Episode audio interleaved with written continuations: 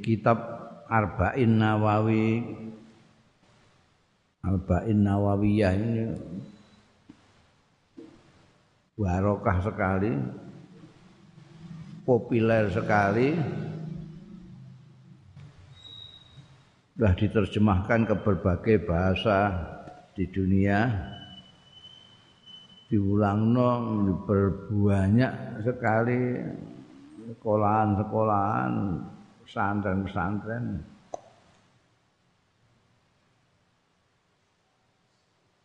Warokai Imam Nawawi. Imam Nawawi itu seorang salah seorang ulama dari Syria dari Nawa. Dari Nawa. Nawa itu eh, daerah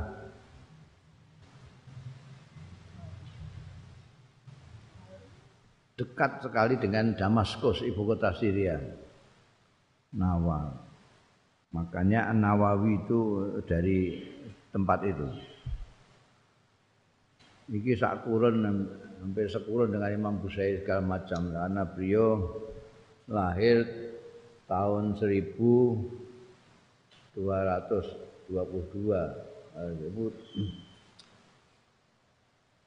apa namanya wafat 1233 jadi umur beliau itu hanya 45 tahun. Ini barokahnya umurnya Imam Nawawi itu umurnya 45 45 tapi karangannya luar biasa banyaknya. Termasuk yang kecil tapi sangat disenangi oleh semua orang itu Al-Ba'in Nawawi. Beliau sendiri asmane Yahya. Yahya bin Syaraf. Dijuluki Syarafuddin Muhyiddin banyaklah. Karena dia yang ngurip-ngurip agama karena banyak kitab-kitabnya dan hadis dan lain sebagainya konyae wong Arab mesti duwe kunyah dan itu nama panggilan kebanggaan. Konyae Abu Zakaria. Jadi Abu Zakaria Yahya bin Saraf An-Nawawi rahimahullah.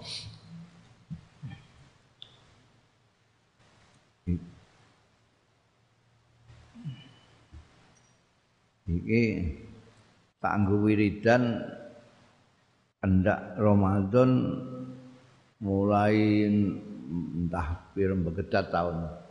Jadi wiridanku Ramadan itu bar subuh burdah bar asar riyal apa? Alba'in Nawawi Alba'in Nawawi. Wiridan jadi orang-orang yang ngaji bareng ya tak waca. Sudah diwiridan oleh barokai Kanjeng Rasul sallallahu alaihi wasallam. Mergo itu hadis-hadis yang dimuat di sini adalah hadis yang sudah ditintingi oleh Imam Nawawi. Beliau menulis ini di masjid yang terkenal sayang sekali sekarang digempur oleh orang-orang gila ya. masjid bagus sekali di Damaskus itu ada semacam menara dia selalu di situ untuk nulis setiap hadis itu kalau nulis itu setiap hadis sholat dulu nulis hadis nulis jadi tidak punya kegiatan, tidak punya pekerjaan kecuali nulis di masjid untuk ngurip-ngurip agama. Makanya disebut julukane Muhyiddin. Ya.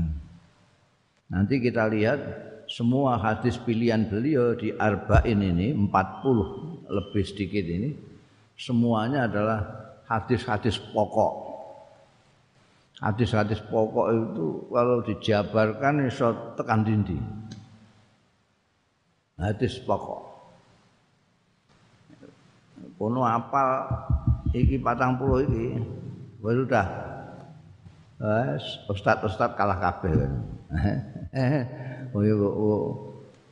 mbok mbok ngamalno dhewe mbok pidatokno wis entek-entek Bismillahirrahmanirrahim. Qala al-muallifu rahimahullah wa nafa'ana bihi wa bi ulumihi wa bi ahlakihi. Amin ya rabbal alamin. Alhamdulillah rabbil alamin. Alhamdulillah utai sekai puji iku lillahi kagungane Gusti Allah rabbil alamin kang mengerani alam kabeh. Qayyumis samawati kang jumenengi pira-pira langit wal ardi lan bumi-bumi. Mudabbiril khalaiqi ajmain sing ngatur makhluk-makhluk iki ajmaina sekabehane Ba'ithir rusul sing ngutus para utusan salawatuhu wa salamu alaihim. Muga-muga uga-rubane Gusti Allah taala salamu lan keselamatan muga tetep alaihim ing atase para rusul. Ngutus para utusan mau ilal mukallaf ulal mukallafin maring wong-wong sing mukallaf mukallaf iku sing duwe akal li hidayatihim kanggo nuduhake mukallafin wa bayani syara'id lan jelasake syariat-syariat agama. Bidalaili kelawan dalil-dalil al-qat'iyati sing qat'i dalil yang pasti. Tidak terbantahkan. Wa wadihatil barahini lan cetha-cethane bukti-bukti. Ahmaduhu ngelembono ngalembono sapa ingsun ing Allah ala jami'i ni'amihi ing atase sekabehane nikmat-nikmate Allah. Wa as'aluhu lan nyuwun sapa ingsun ing Allah. Al mazida ing tambahan min fadlihi saking kanugrahane Allah wa karamihi lan kemurahane Allah wa asyhadu an la ilaha illallah. Anyekseni sapa ingsun an ing setune kelakuan la ilaha ora ana pangeran sinembah illallah kejaba Gusti Allah. Al wahidul qahar zat kang maha siji al qahar kang maha perkasa al karimu kang moho murah al ghafaru kang akeh pangapurane. Wa asyhadu an yakseni sapa ingsun anna sayyidana Muhammad. Anna sayyidana setune pemimpin kita Muhammadan. Ya Kanjeng Nabi Muhammad iku abdu kaulane Allah wa rasuluhu lan utas utusane Allah wa habibu lan kekasih Allah wa khaliluhu kan kecintaane Allah.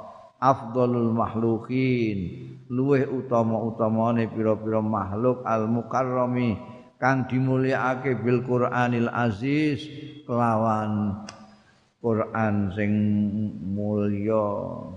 Al mu'jizatil mustamirrati sing merupakan mukjizat sing berlangsung terus. Ala ta'aku bisinin ing atase gonta-gantine din tahun-tahun.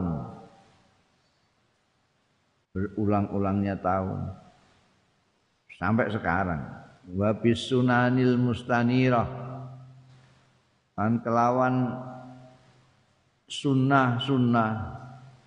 Contoh-contoh perilaku al mustanirati sing menyinari. Lil mustarsidin kedua mustarsidin wong sing kepengin untuk bener kepengin petunjuk al mahsusi bijawamiil kalim kang diistimewai bijawamiil kalim kelawan jamek-jameke kalim. Jamiil jamik kalim itu ana ucapan itu wong pidato ngantek satu jam. Di sini mak kutik mak soal soal wajib sembahyang. Ana sing cerita Arab cerita sesuatu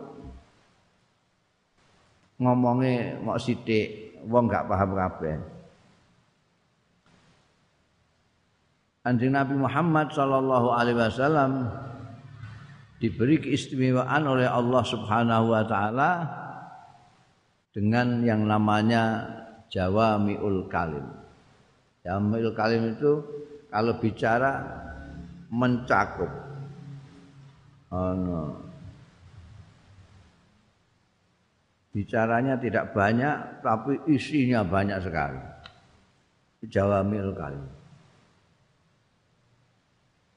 Begitu bicara semua yang dibicarakan tercakup dalam pembicaraan itu semua. Nanti ya contoh-contohnya akan banyak dawuh-dawuh Kanjeng Nabi yang jamil kalim. Yang cekak bahasa Jawa ini cekak aus. Sedikit tapi bernas ini ditakoi oleh sahabat sesuatu yang kelihatannya jawabannya akan panjang lebar ternyata oleh kanjeng Nabi hanya dijawab sedikit sedikit tapi sudah mencakup semua yang diinginkan penanya iku jawamiul kalim. Keiki ke, kekhususane keistimewaane kanjeng Rasul sallallahu alaihi wa sama din. Lan sama din. Samah itu jadi agama yang diasto Kanjeng Rasul sallallahu alaihi wasallam di akhir zaman itu agama yang mudah samah itu longgar mudah longgar mudah tidak berat Kalau terasa berat, itu mesti wong goblok yang memberat-beratkan agama. Hmm. Kalau agama itu sama, sama. Biar zaman Nabi Musa itu apa yang kena najis harus dihilangkan. Nek kena kelambi ya kudu mbok rowaki gunting kelambi. Eh? kena najis terus ya klambimu lowak rawek. gunting kene gunting. Kena kulit aja ngantek. Anak-anak kulit kulitmu kudu mbok kerok. Itu berat. Di kita agama yang diasto Kanjeng Nabi Muhammad nah, tinggal dicuci aja. Pena. Dan samahahnya itu terdapat dalam firman-Nya Allah yang ngutus beliau ittaqullah mastata'tum ittaqullah mastata'tum itu dawe Gusti Allah. Anehnya itu ini jarang sekali. Bahkan saya belum pernah dengar ada khotib Jum'ah yang membaca ittaqullah mastata'tum ndak pernah. Sing diwaca mesti ittaqullaha haqqa tuqatih. Dadi luwih galak timbang Gusti Allah ittaqullaha mastata'tum takwa takwalah kamu semampumu bahkan banyak ulama yang mengatakan ittaqu yang menganut mazhab nasih mansuh mengatakan ittaqullaha mastata'tum ini menasih ittaqullaha haqqa tuqatih. Anehnya itu ya apa khotib-khotib itu yang dipakai yang ittaqullah haqqa tuqatih. Mungkin karena khawatirnya orang-orang tidak takwa-takwa itu. Hmm. Malah ada khotib yang wajem lagi nek nerjemahno ittaqullaha haqqa tuqatih. takwalah kalian semua dengan sungguh-sungguh takwa. Awas kalau tidak. Nah, ngono ne barang. Dikai awas barang. Adalah Allah dawuh ittaqullaha mastata'tum. Takwalah semampu.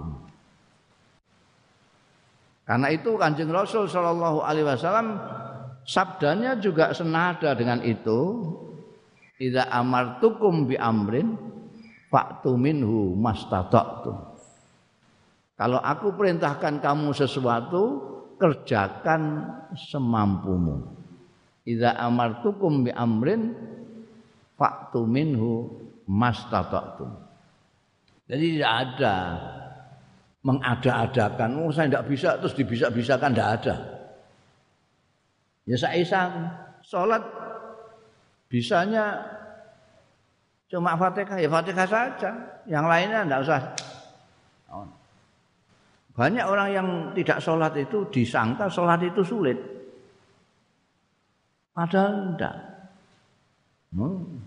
Mau aku di konco itu orang salat alasannya mergo isane mau Fatihah tok. Loh. Aku loh. Sampeyan gimana? Salat itu wacanane ya Fatihah tok iku. Ndak iya toh kiai. Kok ndak iya mbok undang kiai mbok ndak iya berarti kamu enggak pati percaya. Nek enggak percaya kamu tanyakan yang lain-lain ya kiai di mana-mana. Salat itu ya Fatihah itu.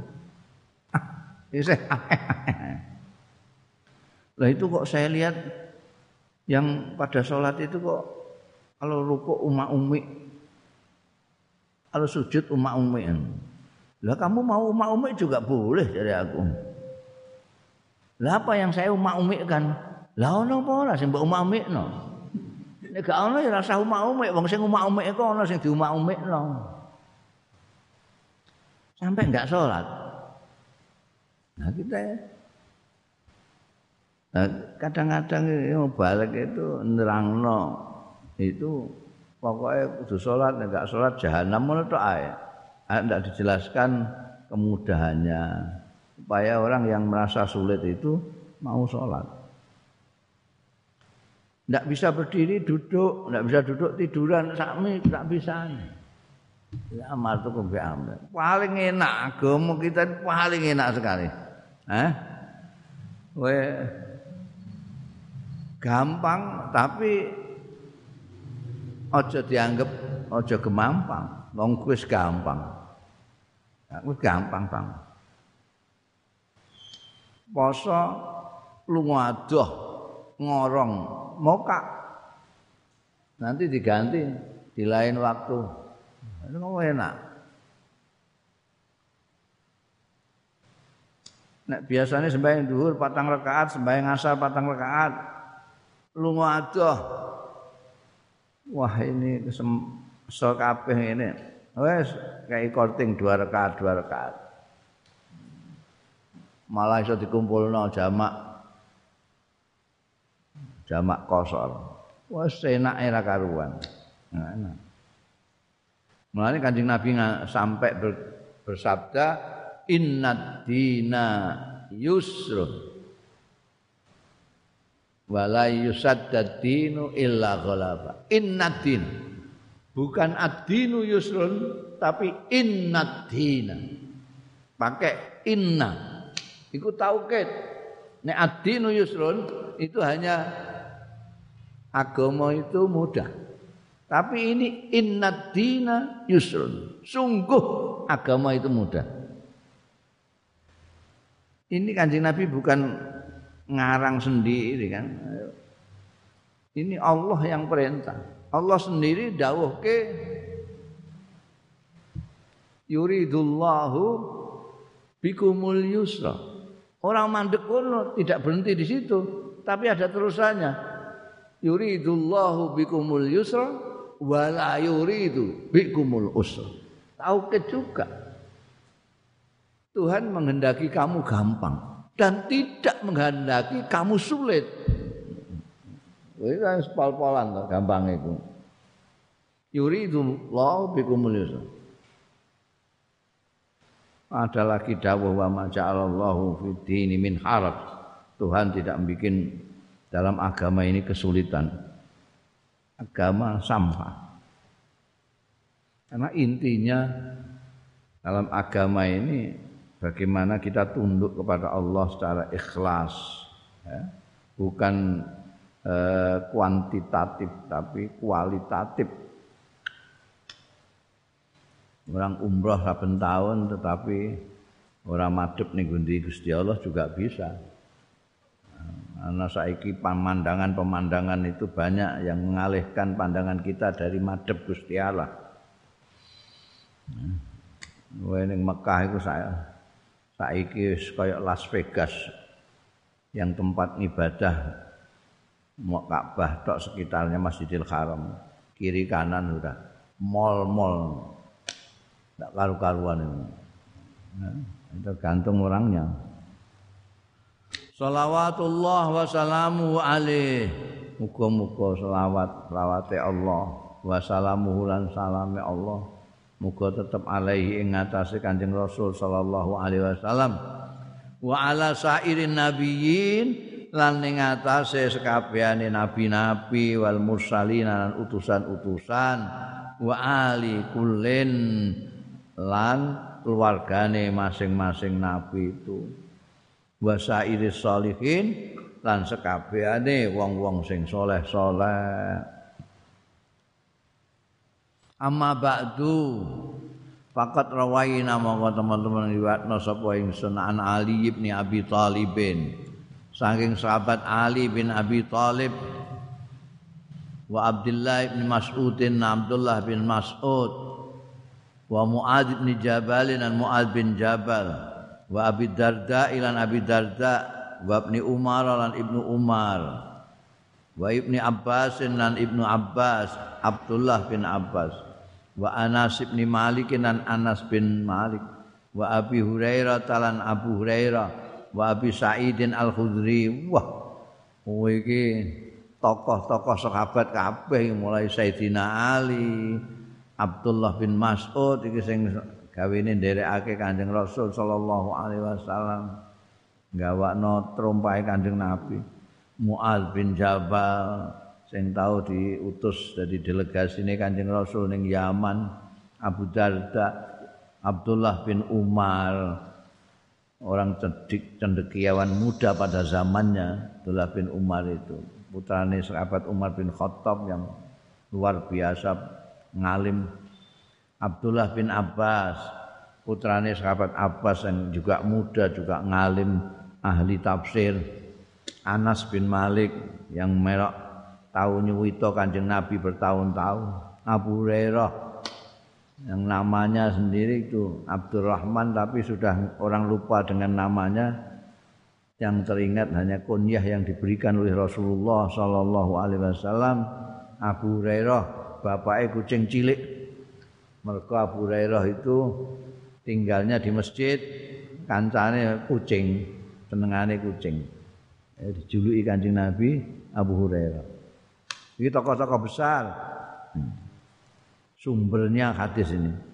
Minturukin kasiratin saking pira-pira dalan kasiratin sing akeh biriwayatin mutanawwiatin kelawan riwayat-riwayat sing bermacam-macam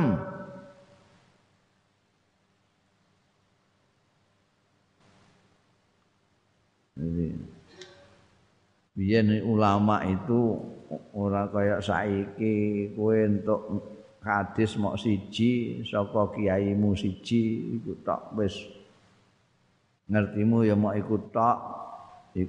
Iku wae terus mbok nggo pidato rono rene mergo dalile balihu anni walau ayah enggak ngerti goyah walau ayah darani wis ayat lah pokoke kono pidato rono rene ini sampai minturukin kasiro berarti nek kok kene iki tekan kene kan kene kan kanjeng nabi Nek kok kene, kok kene, kene, ini tekan kanjeng Nabi. Kene, kene, kene. Dalane bilang-bilang. Sing abad ke-21 iki sing tahu aku melok ngaji ku Syekh Yasin rahimahullah, Syekh Yasin Al-Fadani. Yang ngaji itu matan yang dibaca itu beberapa biji. Tapi sanatnya itu dari berbagai anu dikandakno kabeh. Sing suwi iku. Aku tahu krungu hadis iki saka guruku iki. Gurune iki saka gurune, saka gurune, saka gurune, saka sahabat. Lah aku ya krungu saka guruku sitok neh iki. Kok gurune, kok gurune, kok gurune, gurune kok sahabat liyane. Sampai empat dalan. Nanti ketemu empat sahabat kabeh saka Kanjeng Rasul sallallahu alaihi wasallam. Itu ini hadis yang akan diberitahukan oleh beliau Imam Nawawi ini dari berbagai macam jalan. Tuh, sirah riwayat mutanawiah sing kene ana tambahane iki, sing kene ana ini, sing kene kurang iki tapi secara keseluruhan secara prinsip semuanya sama pengertiannya redaksinya berbagai-bagai macam. Itu riwayat mutanawiyah. Jadi saya meriwayatkan itu dari sahabat-sahabat tokoh-tokoh besar ini dari berbagai jalan dengan riwayat yang macam-macam. Anna Rasulullah satu kanjeng Rasul sallallahu alaihi wasallam Kala dawuh sapa Kanjeng Rasul man hafiza ala ummati. Sapaning wong sing ngreksa ya man. Ngreksa ini yang paling enteng dimaknani apal. Paling enteng. Apa sing apal? Sing paling berat orang yang tidak hanya apa ngerti maknanya tapi mengamalkan isi-isinya. Man hafidhu ala ummati. Sapa wonge sing njaga ngreksa ala ummati ngatasé umat ingsun arba'ina hadisan ing patang puluh apane hadisan hadise min amri diniha saking urusan agamane umat. Ba'athahu mongko membangkitkan nangekke sapa hu ing man hafiza sapa Allah Gusti Allah yaumal kiamat ana ing dina kiamat fi zumratil fuqaha'i ing dalem rombongane ahli-ahli fikih wal ulama ilan ulama-ulama. Engko bareng apa Sayyidina Ali bareng Imam Malik bareng Imam Syafi'i bareng Imam Ahmad bareng Imam Hanif Abu Hanifah ya, di sana Wa fi riwayatin karena tadi banyak riwayat. Wa fi riwayatin aniku kesebut ana ing riwayat lain ba'atsallah nangekno hu ing man hafiza sapa Allah Gusti Allah fakihan sebagai ahli fikih aliman sing ngalim padahal nalika urip blas ora ngalim ra apa tapi kalau dia menjaga 40 hadis maka nanti ditangek no kubur itu wah kayak kiai ulama. Wa fi riwayati Abi Darda dan iku kesebut ana ing riwayate Abi Darda karena Abi Darda termasuk sumber tadi ya. Samping Muad bin Jabal ada Abi Darda. Riwayati Abu Darda Kait tanda kutip wa kuntu lahu yaumal qiyamati syafi'an wa syahidan. Ya, menurut riwayat Abu Darda man hafidha ala ummati arba'ina hadisan Allah yaumal qiyamah wa kuntu lahu yaumal qiyamati syafi'an wa syahidan. Lan ana sapa panjenengane ingsun Kanjeng Rasul? Lahu marang man hafidho mau yaumal qiyamati ana ing dina kiamat ana iku syafi'an. Wong sing nyafaati wa syahidan lan nyekseni. Saya niki umatku tenang iki menika umat kula menika kula syafaati ini matur nanti di sana syafaat mbek Kanjeng Rasul. Wa fi riwayat Ibnu Mas'udin wong Imam Nawawi itu kayak ulama-ulama dhisik-dhisik itu betul-betul tuntas kalau ngilmu itu ya dari sana dari sini ngerti kabeh. Ing dalam riwayat Abdullah bin Mas'ud kila lahu. Siapa orang hafidhu ala ummati arba'ina hadisan? Kila lahu. Mongko diucapake lahu marang man hafidhu udkhul melbu sira min ayyi abwabil jannati.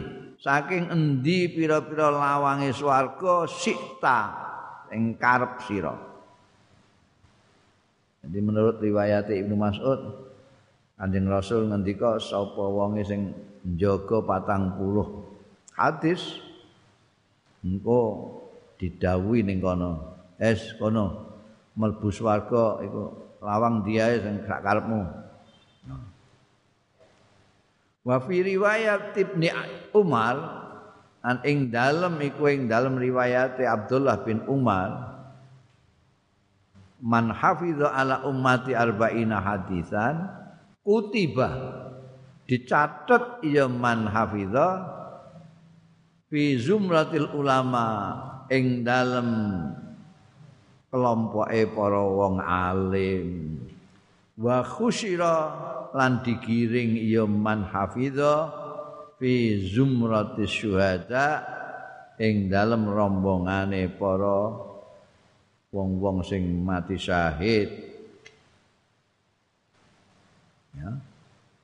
itu berbagai hadis tentang orang yang apal patang puluh hadis mulanya lalu banyak eh, ulama-ulama yang bikin 40 hadis 40 hadis. Termasuk di antaranya Imam Nawawi. Dengan cara pemilihan yang berbeda-beda ana wong sing milih patang puluh hadis khusus soal zuhud 40 tentang syariat 40 tentang tasawuf akhlak. Imam Nawawi mempunyai kriteria sendiri 40 yang paling induk. Ya. Tapi wattafaqal khufal lan sepakat sapa ahli-ahli hadis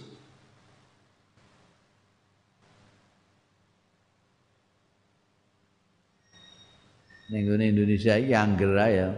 Pokoke janji apal ya hafidho wong sing apal ya khufat. Nek wong siji ya hafid terus dinggo wong sing apal Quran. Mulane ana jamiatul qurra wal khufat. Nah iku nek ning gone Arab kono ya bingungi wong Arab ya bingung. Wong khufat iku wis kadung dadi eh tetengere wong-wong sing apal hadis, ribuan hadis, ahli hadis. Bukan untuk yang apal Quran. Apal Quran itu hamilul Quran. Jamaah hamalatul Quran. Iku sing bener ngono kuwi. Kanggo hadis. Nek ngono ya gak diwawahi nganti saiki lho. Mestine jamiatul qura wal kufar diganti jamiatul qura wal hamalah. Ono diganti. Saiki mah ditambahi bil ghaib bareng. bil ghaib iku penampakan ya. Apa bil ghaib mergo delok sitoke kok binadzar sitoke maca Quran mbek ngliyate sitoke orang ini hmm. bil ngono. Ahli-ahli hadis sepakat ala annahu hadisun dhaif. Ala annahu sedune hadis iku mau man hafidho mau iku hadisun dhaif hadis sing dhaif. Hadis sing dhaif hadis dhaif itu adalah hadis di mana salah satu rawi sanatnya itu ada yang dhaif bukan matannya bukan teksnya hadis kadang-kadang wong itu salah paham. Dikiranya doif itu hadisnya itu sendiri. Redaksi hadisnya itu yang doif. Doif itu karena ada kedoifan dalam mata rantai hadis itu.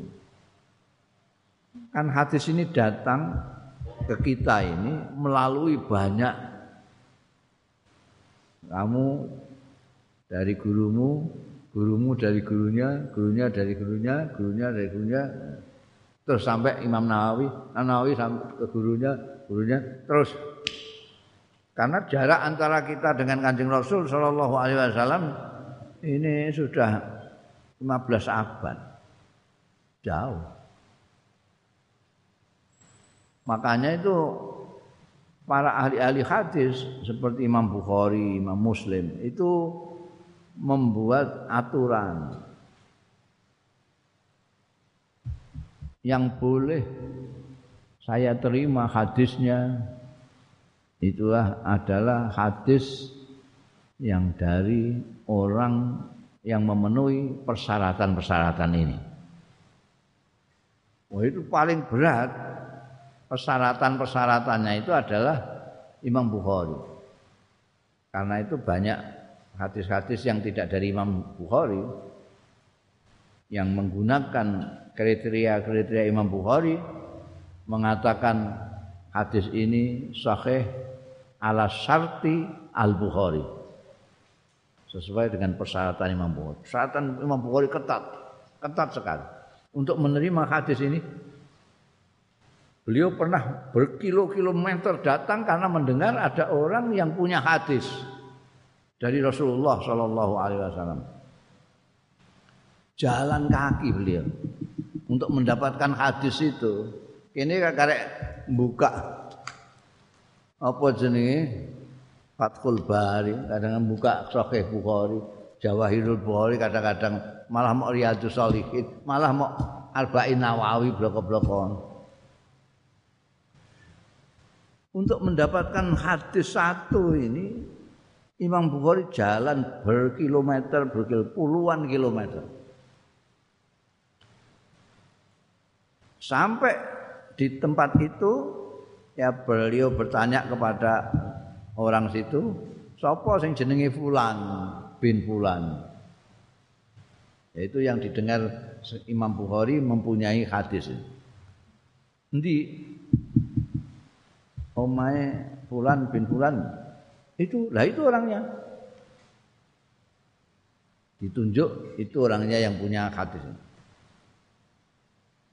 pas mau didekati wong iku idu ke arah kiblat duh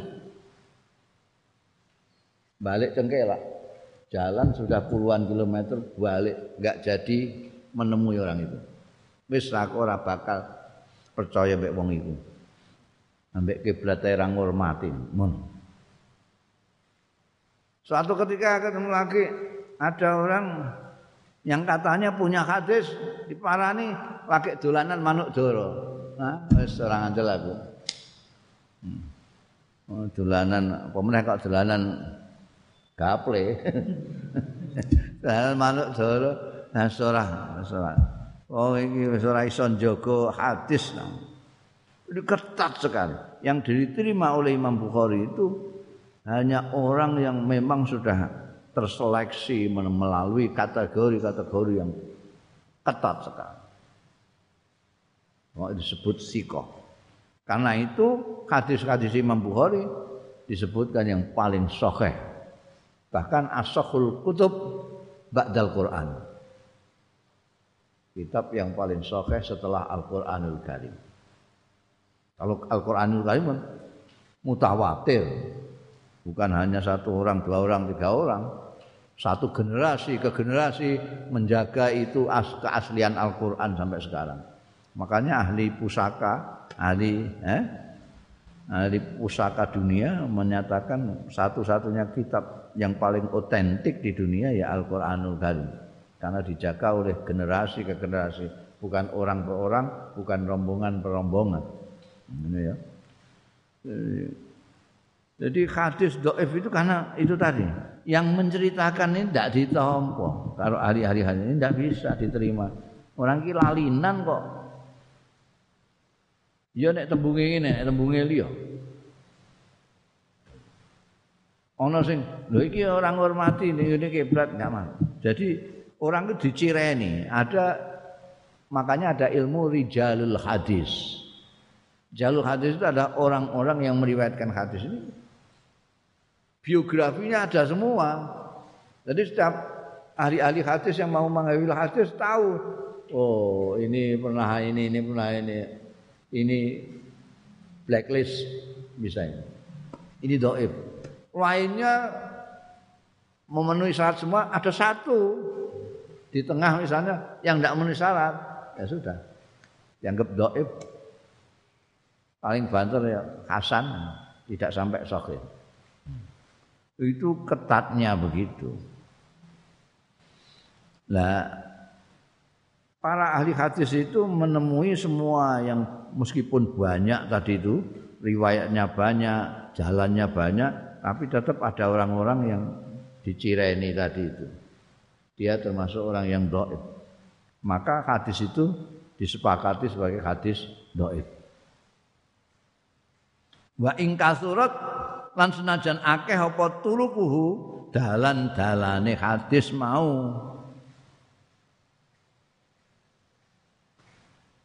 Meskipun banyak tapi kalau ada yang dicireni tadi itu ya tetap aja disebut dhaif. Waqat sannafal ulama an yakti teman-teman nganggit menyusun sapa al ulama para orang alim radhiyallahu anhum. Fi hadzal bab ing dalam iki bab mala yukhsa ing kitab ing barang layu so sing ora iso diitung saking akeh. Minal musannafati saking karangan-karangan susunan-susunan anggitan-anggitan.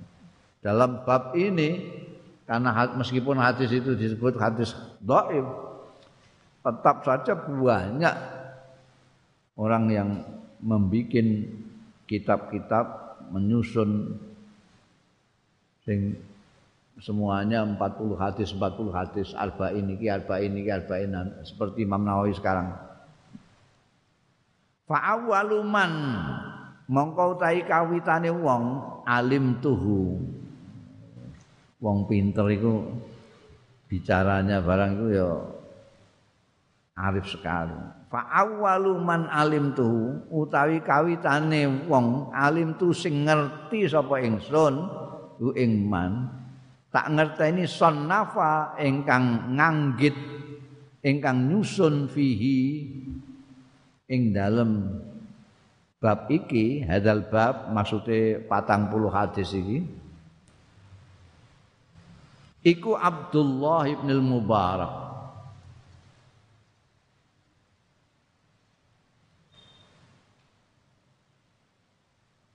nah, itu kan yang saya tahu orang pertama yang saya tahu ini penting.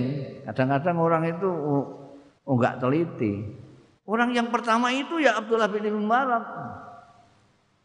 Ternyata ada orang sumber lain yang mengatakan enggak sebelum ini ada lagi ini tapi kalau ini tidak bisa dibantah.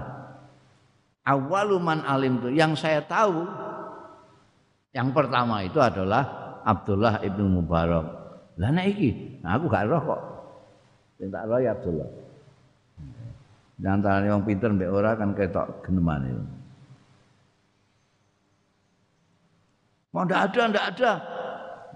Wong bodoh selalu mungkin ada. Tapi kalau orang pintar mengatakan setahu saya tidak ada. Eh, maka bisa saja ada tapi saya tidak tahu. Gitu. Yang saya ketahui pertama kali orang yang menyusun kitab mengambil 40 hadis itu Abdullah Ibnul Mubarak. Summa kemudian mongko keri-keri Muhammad bin Aslam At-Tusi. Al-alimur rabbani. Ya ahli sufiat ya, al-alimur rabbani sing ngalim ahli ketuhanan. Muhammad bin Aslam ini orang sufi. Sumal Hasan bin Sufyan An-Nasai. Anjir orang terkenal itu. Al Hasan bin Sufyan An-Nasai. An-Nasai itu sesudah Abdullah bin Mubarak Mbak Abu Bakrin Al-Ajurri wa Abu Bakrin Muhammad ibnu Ibrahim al Asfahani.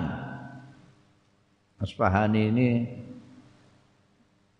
negeri terkenal dulu, sekarang daerah Iran kono. Wa Daruqutni, Imam Daruqutni wal Hakim Imam Hakim yang punya Mustadrak. Wa Abu Nuaim wa Abu Abdurrahman As-Sulami wa Abu Sa'idin Al-Malini wa Abu Usman As-Sabuni wa Abdullah ibn Muhammad Al-Ansari wa Abu Bakrin Al-Baihaqi wa khalaiku. Lan wong-wong alim layuh sauna kang ora iso diitung ya khalaik minal mutaqaddimin khalaik itu jamaah makhluk. Banyak orang-orang ulama-ulama dulu itu menyebut manusia itu makhluk. Yang lain tidak direken makhluk. Minal mutaqaddimin saking ulama-ulama sing dhisik-dhisik wal mutaakhirin lan sing akhir-akhir.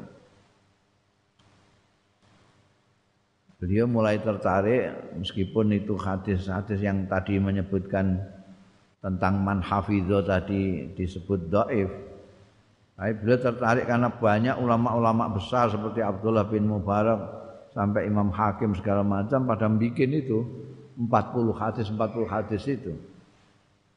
Mulane terus Waqad istakhartu. Monggo teman-teman istikharah sapa ingsun. Istikharah itu sembayang untuk minta petunjuk kepada Allah Subhanahu wa taala. Fi jami'i arba'ina hadisan. Ing dalam sekabehane 40 hadisan apane hadise? Iktidaan krana anut mengikuti jejak. Biha ulail a'immati lawan mengkono-mengkono pemimpin-pemimpin a'la al-a'lami.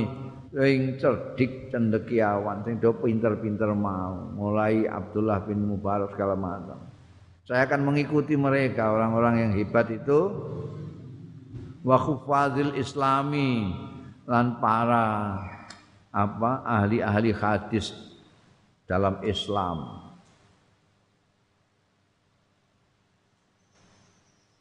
Waqad ittafaqalan teman-teman sepakat sapa al ulama para wong alim ala jawazil amal ing atase diperkenankannya mengamalkan bil hadis dhaif kelawan hadis dhaif fi fadhailil a'mali ing dalem keutamaan-keutamaan yang ngamal.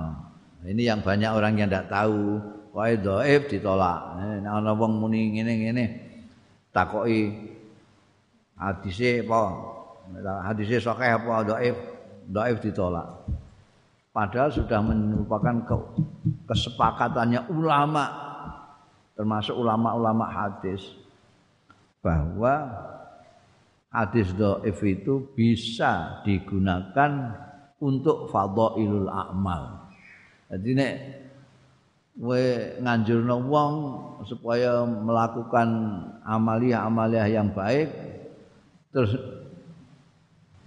kamu memperkuatnya dengan dalil hadis dhaif itu boleh.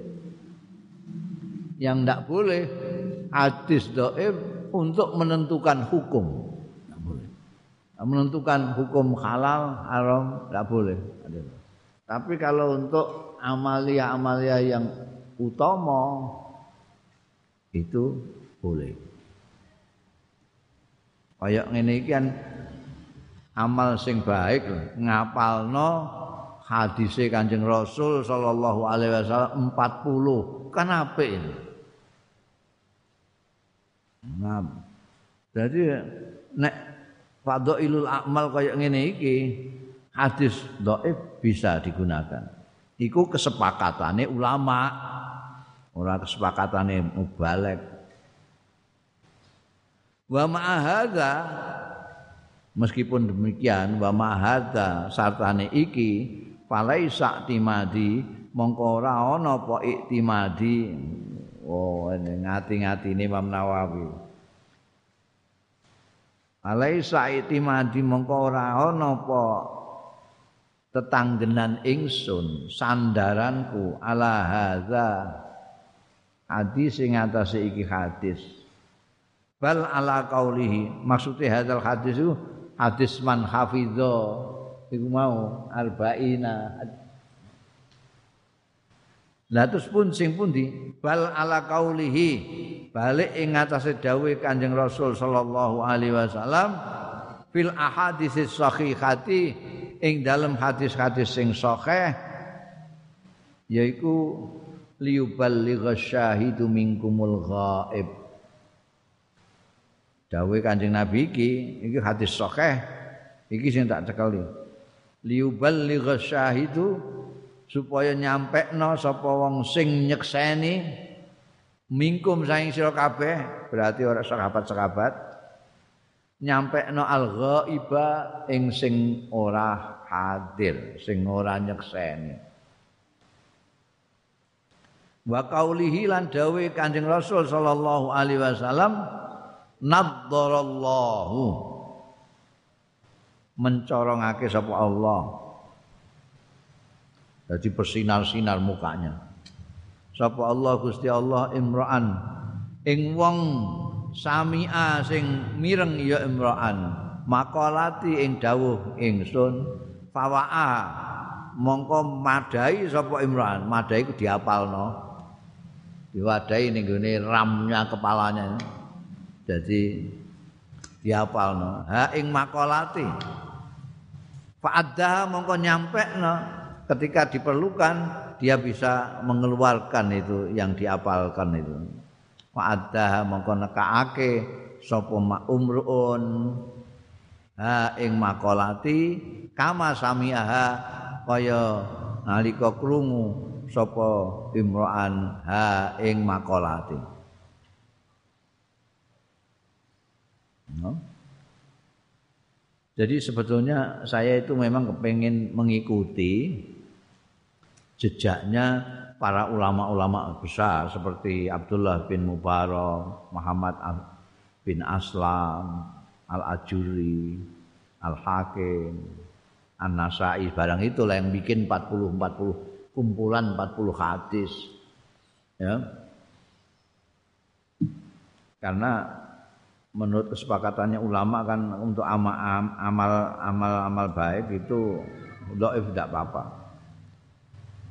Di samping itu yang saya jadikan pedoman bukan hadis itu. Saya bikin 40 ini yang saya pakai bukan itu. Tapi hadis sahih dari Rasulullah sallallahu alaihi wasallam yang menyatakan liyuballigh syahid minkumul ghaib.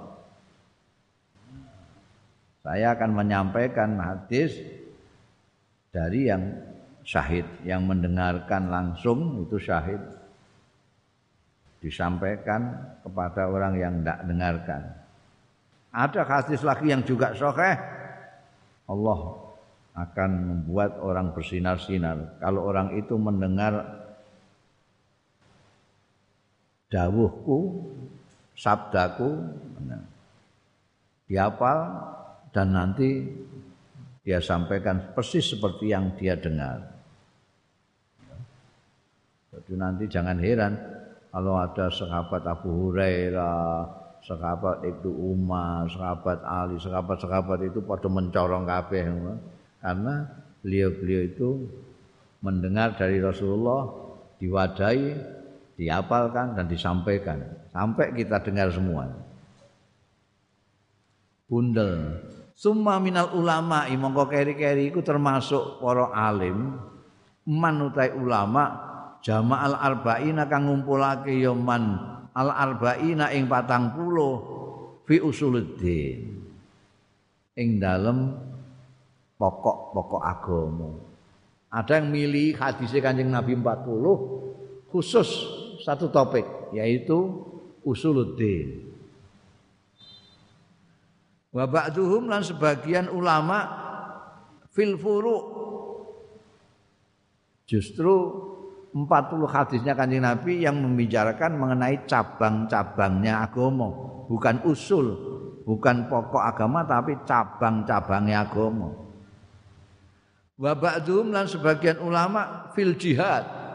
Patang puluh hadis di sini bab jihad tok. Wah itu yang cekelan wong-wong sing jihadin jihadin iku. Wa ba'dhum fi zuhdi. Sebagian ulama ngumpulkan 40 hadis khusus zuhud zuhud. Wa ba'dhum lan sebagian ulama fil adab ing dalem adab dalam etika budaya. Wa ba'duhum lan sebagian ulama fil khutab ing dalam khutbah-khutbah. Karena ada khutbah-khutbah Kanjeng Rasul dikumpul 40 terus dibikin buku khusus 40 khutbahnya Kanjeng Rasul sallallahu alaihi wasallam. Ada juga. Wa kullu hautai sekabehane mau mulai usuluddin ngantek khutbah-khutbah mau sekabehane mau iku maqasidu sholihatun merupakan maksud-maksud sing bagus. Radhiyallahu an qasidiha sing ridho sapa Allah an qasidiha saking priagung-priagung sing duwe maksud maqasid sholihah mau. Waqat itu dan jenengan siambak sebutin Waqat itu lan teman-teman ningali sapa ingsun berpendapat sapa ingsun jam'a arba'ina ing ngumpulake patang pulun ahamma min hadza sing luweh penting min hadza kulli saking iki kabeh. Beliau itu menghargai yang lain dengan mengatakan ini semua adalah maksud yang baik. Oh bicarakan usuluddin ya baik. Cabang-cabang agama ya baik. Soal jihad ya baik lah. Baik semua lah. Gusti Allah mesti ridho dengan mereka-mereka itu semua. Karena milih hadis-hadis Kanjeng Rasul yang baik-baik itu maksudnya. Tapi saya berpendapat akan mengumpulkan 40 yang lebih penting dari itu semua. Jadi ya dihargai tapi nek dibanding nombean punya beliau ini punya beliau lebih penting. Aham min hadza kulli. Lebih penting dari semua itu. Wahia utawi arba'in yang saya kumpulkan iku arba'una hadisan. Patang puluh apane hadisan hadise mustamilatan sing mengku ala mengandung ala jami'i dzalika ing atase kabehane mengkono kabeh. Jihad ya ana, usuluddin ya ana, furuuddin ya ana, zuhud ya ana, adab ya ana. Itu ana kabeh. Mulane lebih penting. Wa kullu haditsin minha lan masing-masing hadis minha saking patang puluh sing tak kumpulno iki arbaun iku kaidatun azimah. Merupakan kaidah. Kaidah yang agung. Min qawaidid dini saking kaidah-kaidah agama. Pondasi-pondasi agama. Semua hadis yang saya pilih adalah yang pokok-pokok. Qad wasafahu kang teman-teman nyipati kulo hadisin sapa al ulama ulama bi anna madarul islam kelawan tuhune ubengane islam iku alaihi ing atase poros kulo hadisin ini satu hadis ini mempunyai dampak ini menjadi porosnya agama Islam ini. Nanti misalnya contohnya hadis soal niat. Itu meliputi segala macam. Wudu ana niate sembahyang ana niate poso ana niate kajian nuwun Satu hadis tapi luar biasa. Au nisful Islam. Kalau tidak seluruh Islam, minimal huwa nisful Islam wa utai kullu hadisin yang saya pilih dalam 40 hadis ini iku nisful Islam, setengah Islam, separuhnya Islam. Kalau tidak separuhnya sulu suhu, sepertelone Islam. Au nahwu dzaliku utawa sepadane mengkono-mengkono madarul Islam, nisful Islam, sulu suhu mau. Summa altazimu kono tepake sapa ingsun fi hadzal arba'ina ing dalem iki iki 40. Au takuna sahihatan wa mu'dhamuha. Summa altaz netepi hadzal arba'in atau ana ya hadzal arba'in sahihatan, sahih Wa mu'dhamuha jadi tidak ora terima yang dipilih itu hadis-hadis induk hadis-hadis pokok tapi juga semuanya itu hadis sahih wa mu'dhamuha jadi nek monggo dalil was valid banget wong ora ana sing bantah. Dalil hadis. Sahih sahih malah wa mu'dhamuha sebagian besar hadis-hadis arba'in iku fi sahihail Bukhari wa Muslimin. Ing dalem sahih lorone Bukhari lan Muslim. Top pokoke ora terima hadis sahih bahkan kebanyakan dari Imam Bukhari Muslim. Wa adzkuruha lan nutur sapa ingsun? Ha ing arba'ina hadisan mahdzufatal asanid. Ing dibuangi sanat sanate biasanya nih ahli-ahli hadis itu ada an an an an an an an an anis sahabah anin rasul sallallahu alaihi wasallam di mata rantainya disebutkan semua dan nek mulai Imam Nawawi kan wah panjang sekali itu Terus kowe ora sida ngapalno hadis, ngapalno iku tok ae. Mulane kebijaksanaan beliau wa adzkuruha mahdzufatal asani dibuangi semua sanad-sanadnya itu. Ya, kita percaya saja kepada Imam Nawawi. Karena beliau dengan niat baik liyashula khifdhuha supaya gampang apa khifdhuha ngapalno patang puluh mau. Kalau begitu apal? Wa ya umul intifa. Jadi sumrambah merata apa al intifa'u?